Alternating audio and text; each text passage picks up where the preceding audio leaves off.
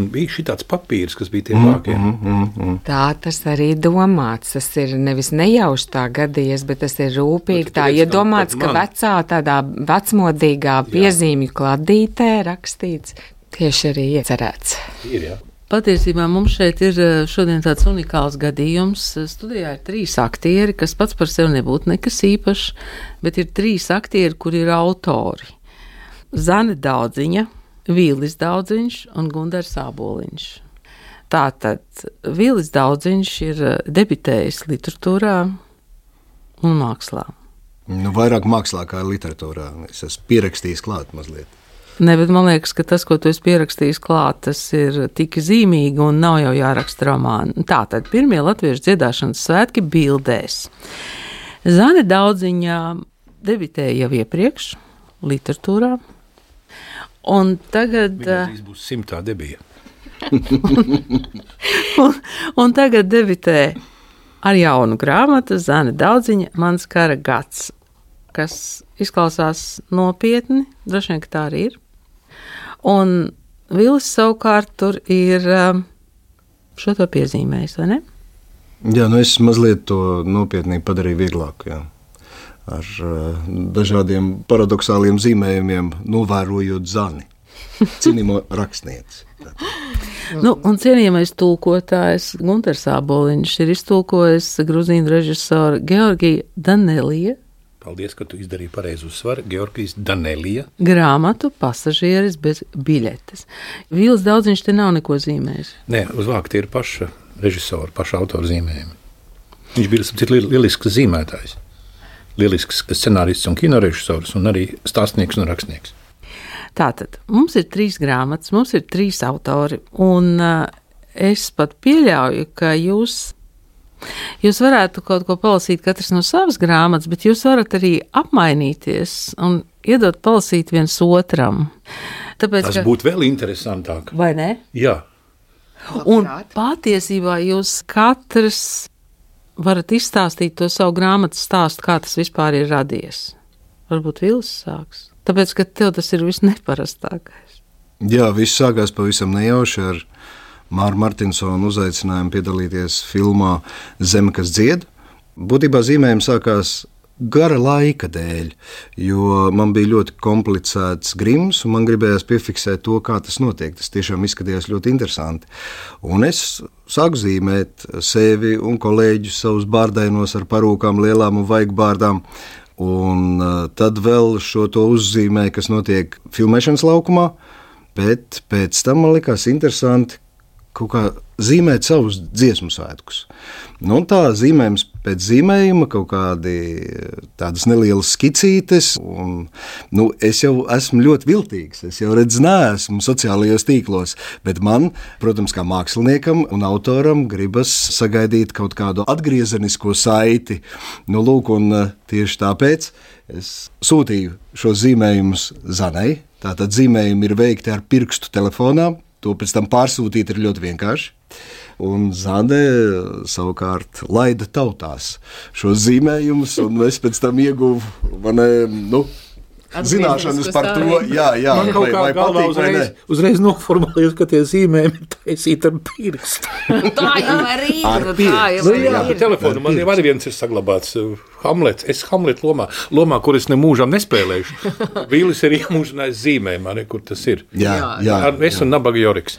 Bet, Bet, redz, tas zīmējums ir par to, ka Rīgas Latviešu biedrības namā nepārstāja notikt mēģinājumi. Jā, tas ir par Georgu Mihelsonu, bet uh, šis zīmējums vēlāk pārtapa citā. Jā, man uh, sākumā bija šis veltīts uh, Gundaram, un tad man no tā radās iedvesma.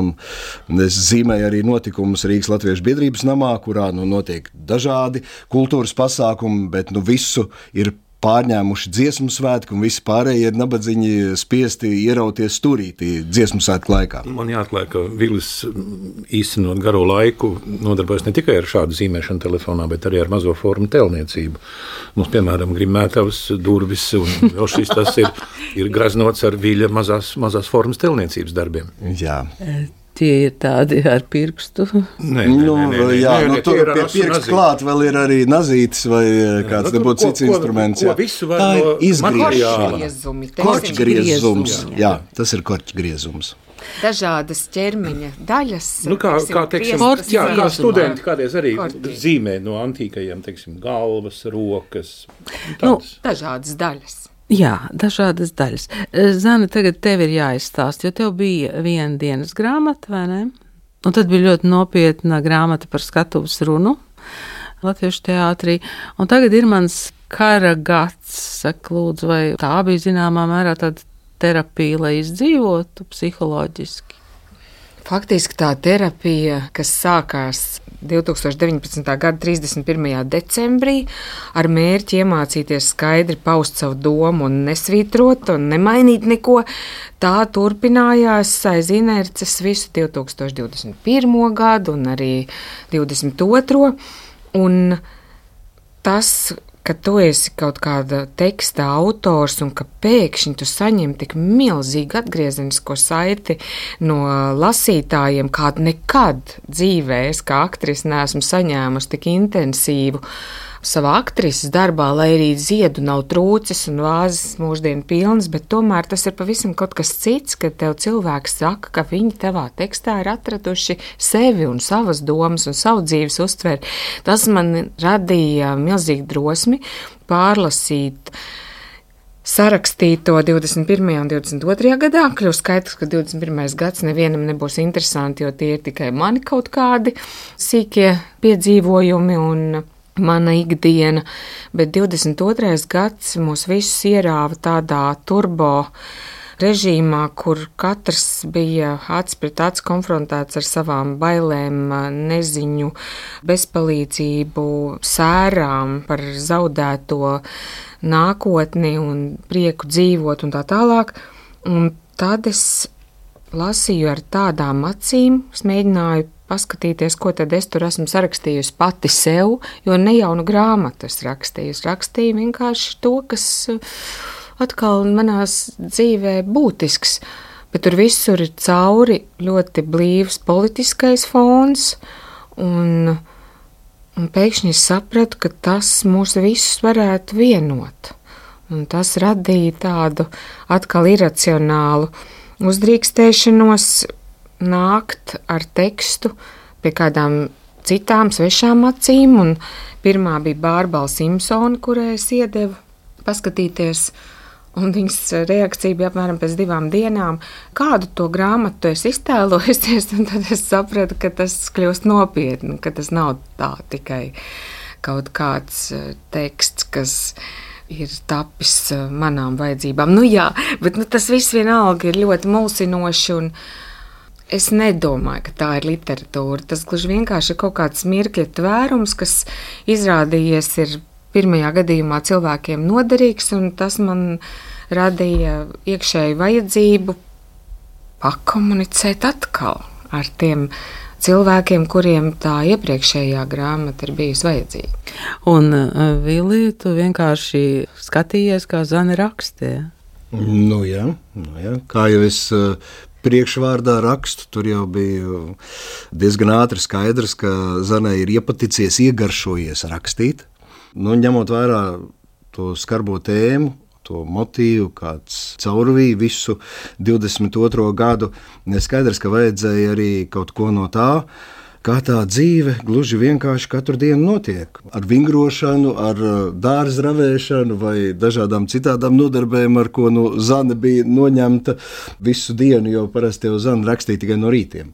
Nu, tur tādi jā, manas ekspresijas, mani iespaidi. Gundar, kāpēc tu paņēmi Danelijas grāmatu, lai tulkotu? Es to grāmatu izlasīju jau oriģinālā valodā pirms gadiem 15. Krievu valodā. Jā, nu, oriģinālā tā grāmata ir krievu valodā, un man tā ļoti iepatikās. Tad es iedevu kādam palasīt, vairs neatceros kam, un vairs to grāmatu neesmu redzējis. Un tad man vienā mirklī nobrieda, ka iepriekšējā grāmata Ceļveda orķestra pasaulē tā bija tā kā mūziķiem par mūziķu dzīvi. Es domāju, kāpēc es arī kaut ko neuzrakstītu par kino ļaužu dzīvi un darbu. Un, un es atcerējos šo tekstu un atradu internetā. Un tas, es jūtu, ka manī tas skan. Un, ja es jūtu, ka manī tas teksts skan ar iekšēju tādu dzirdi, tad es saku, jā, to es varētu.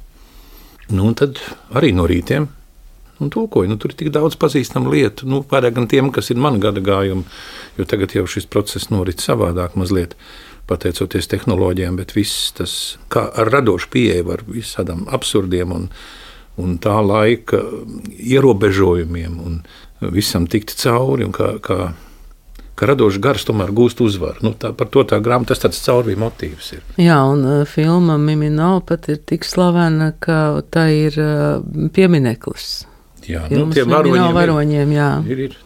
Mēs pēc brīža varēsim ar tām grāmatiņām mainīties un uh, lasīt dažādus fragmentus. Nu, šajā sacensībā es domāju, ka es stipri zaudēšu. Vēl jau vairāk tāpēc, ka viņiem viltniekiem būs jālasa kaut kas tik viegls tik un, viegls un īs. īs. Jo šī viņiem nebūs mazā lasītāja, tā būs maza lasītāja. Nu, nesaka, viss tur tādi īpaši vārdi, Nu, visādi uzvārdi sarežģīti. Jā, starp citu, es par tiem vārdiem gribēju prasīt, kur tu vili visus tos vārdus ņēmi. Nu, nu, es nedomāju vēsturiskās personas, bet nu, tur ir tik daudz visādu personu, kur tu ņēmi tos vārdus. Es esmu pētījis vietvārdus, esmu pētījis uzvārdus, un uh, man likās, tas ir tik brīnišķīgi. Nu, tas, ir, tas ir tāds lauks, kur var smelt un smelt.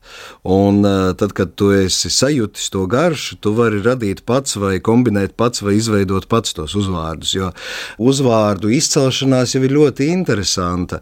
Vai nu, nu tajā brīdī, kad notiek brīvlaišana, tiek pieteikts visiem izvēlēties savu dzimtes vārdu. Un vai nu cilvēki izvēlas to paši, vai muškungs tiem piešķir, vai tie izvēlas to pēc amata, vai pēc prasmēm, vai dažādi citādi.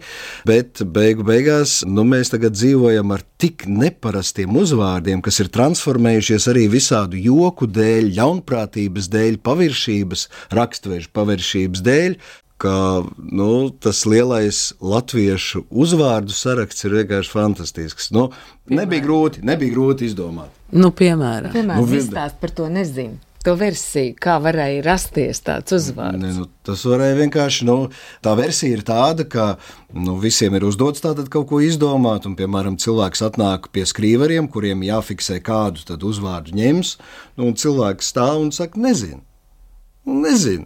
Jānis Nu, nezina. Jānis uzvārdu nezina. nezina. Tā ir ņemama rodās, pieraksta. jā. Jānis nezina, jā. Vai, vai, teiksim, Marija vai Ede nezina, vai Made nezina. Bet mani uzvārdi ir vis visādi. Man ir dažādi salikteņi, tur puspuru mārtiņš vai eh, leipudu jūrs vai uh, Mazvērsīšu mazvērsīšu made vai ede. Jā, un eh, redz, smieklīgi jau ir ļoti bieži tiek latviešiem izmantots arī diminutīvs, kas visu to padara ļoti smieklīgi, nu, tos uzvārdus, tostarp arī mūsējais, vai ne?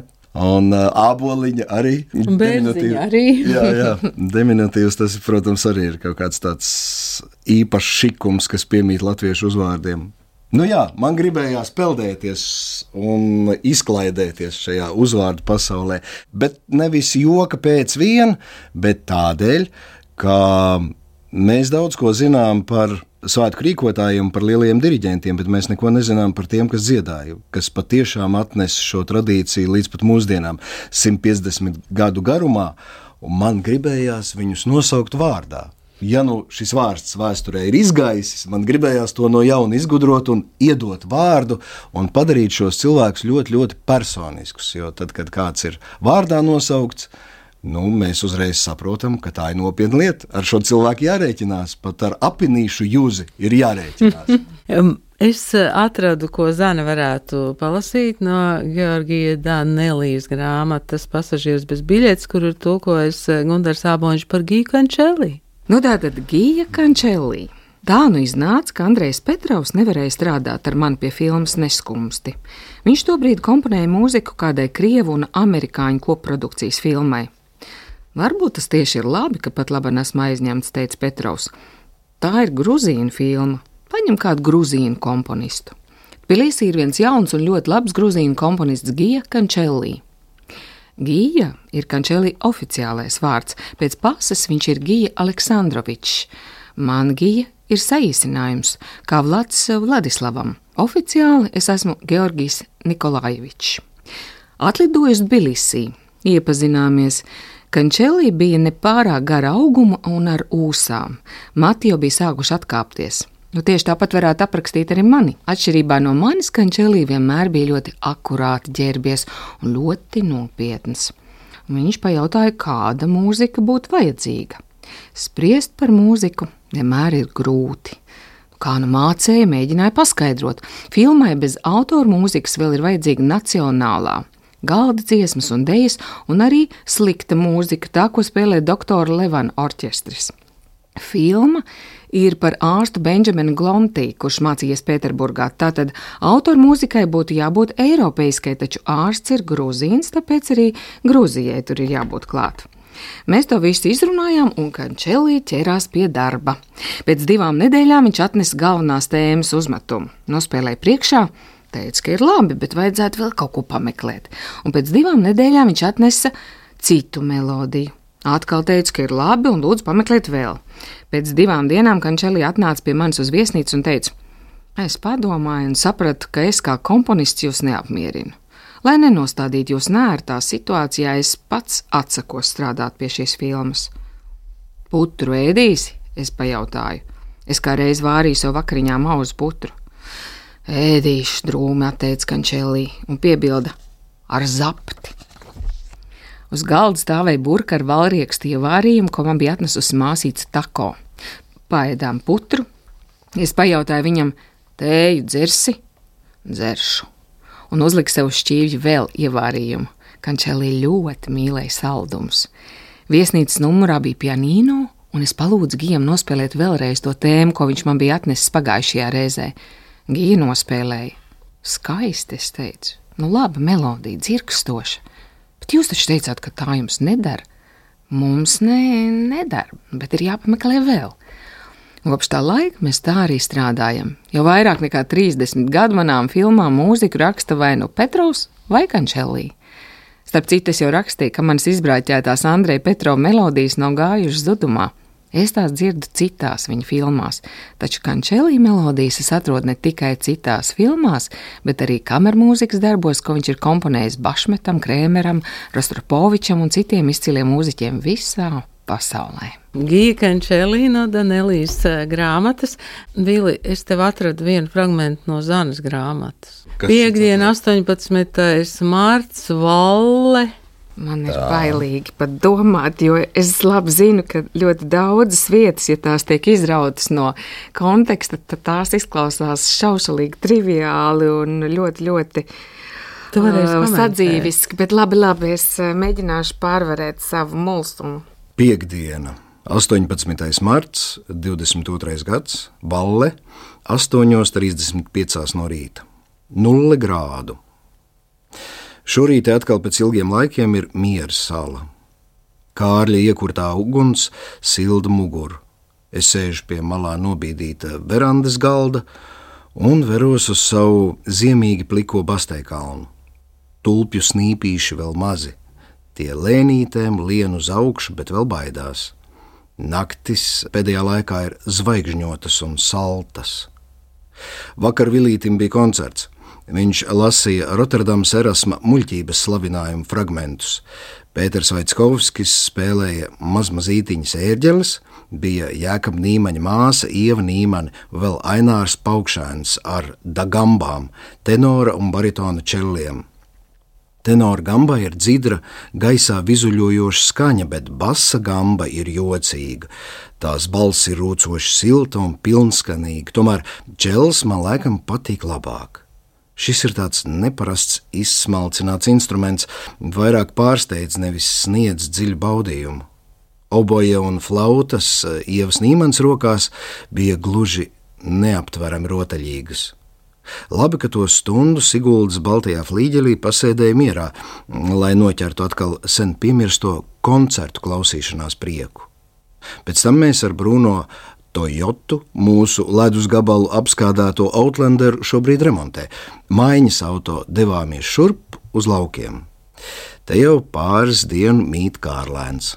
Māja saņēma mūsu silta un omulīga, gluži vai atplestām rokām, un te nu mēs visi trīs esam savā lauku villā, kur varam justies bezgalīgi jauki, kā pie vecas mīļas radinieces ciemos atbraukuši.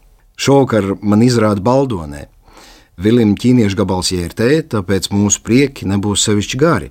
Lai kā, saule lej savu balto gaismu pār mani un ļauj uz īsiem mirklīšiem aizmirst par karu Ukrainā.